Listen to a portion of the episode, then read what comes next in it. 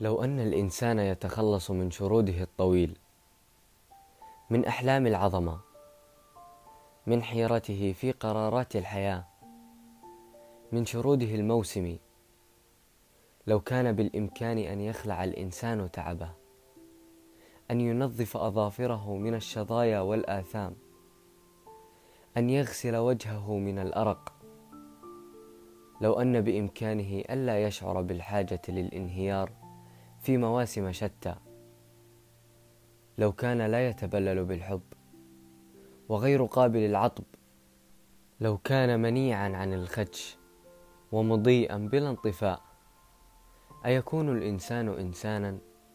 أم أن ذلك الضعف الشفيف يجعله أحلى وأبهى؟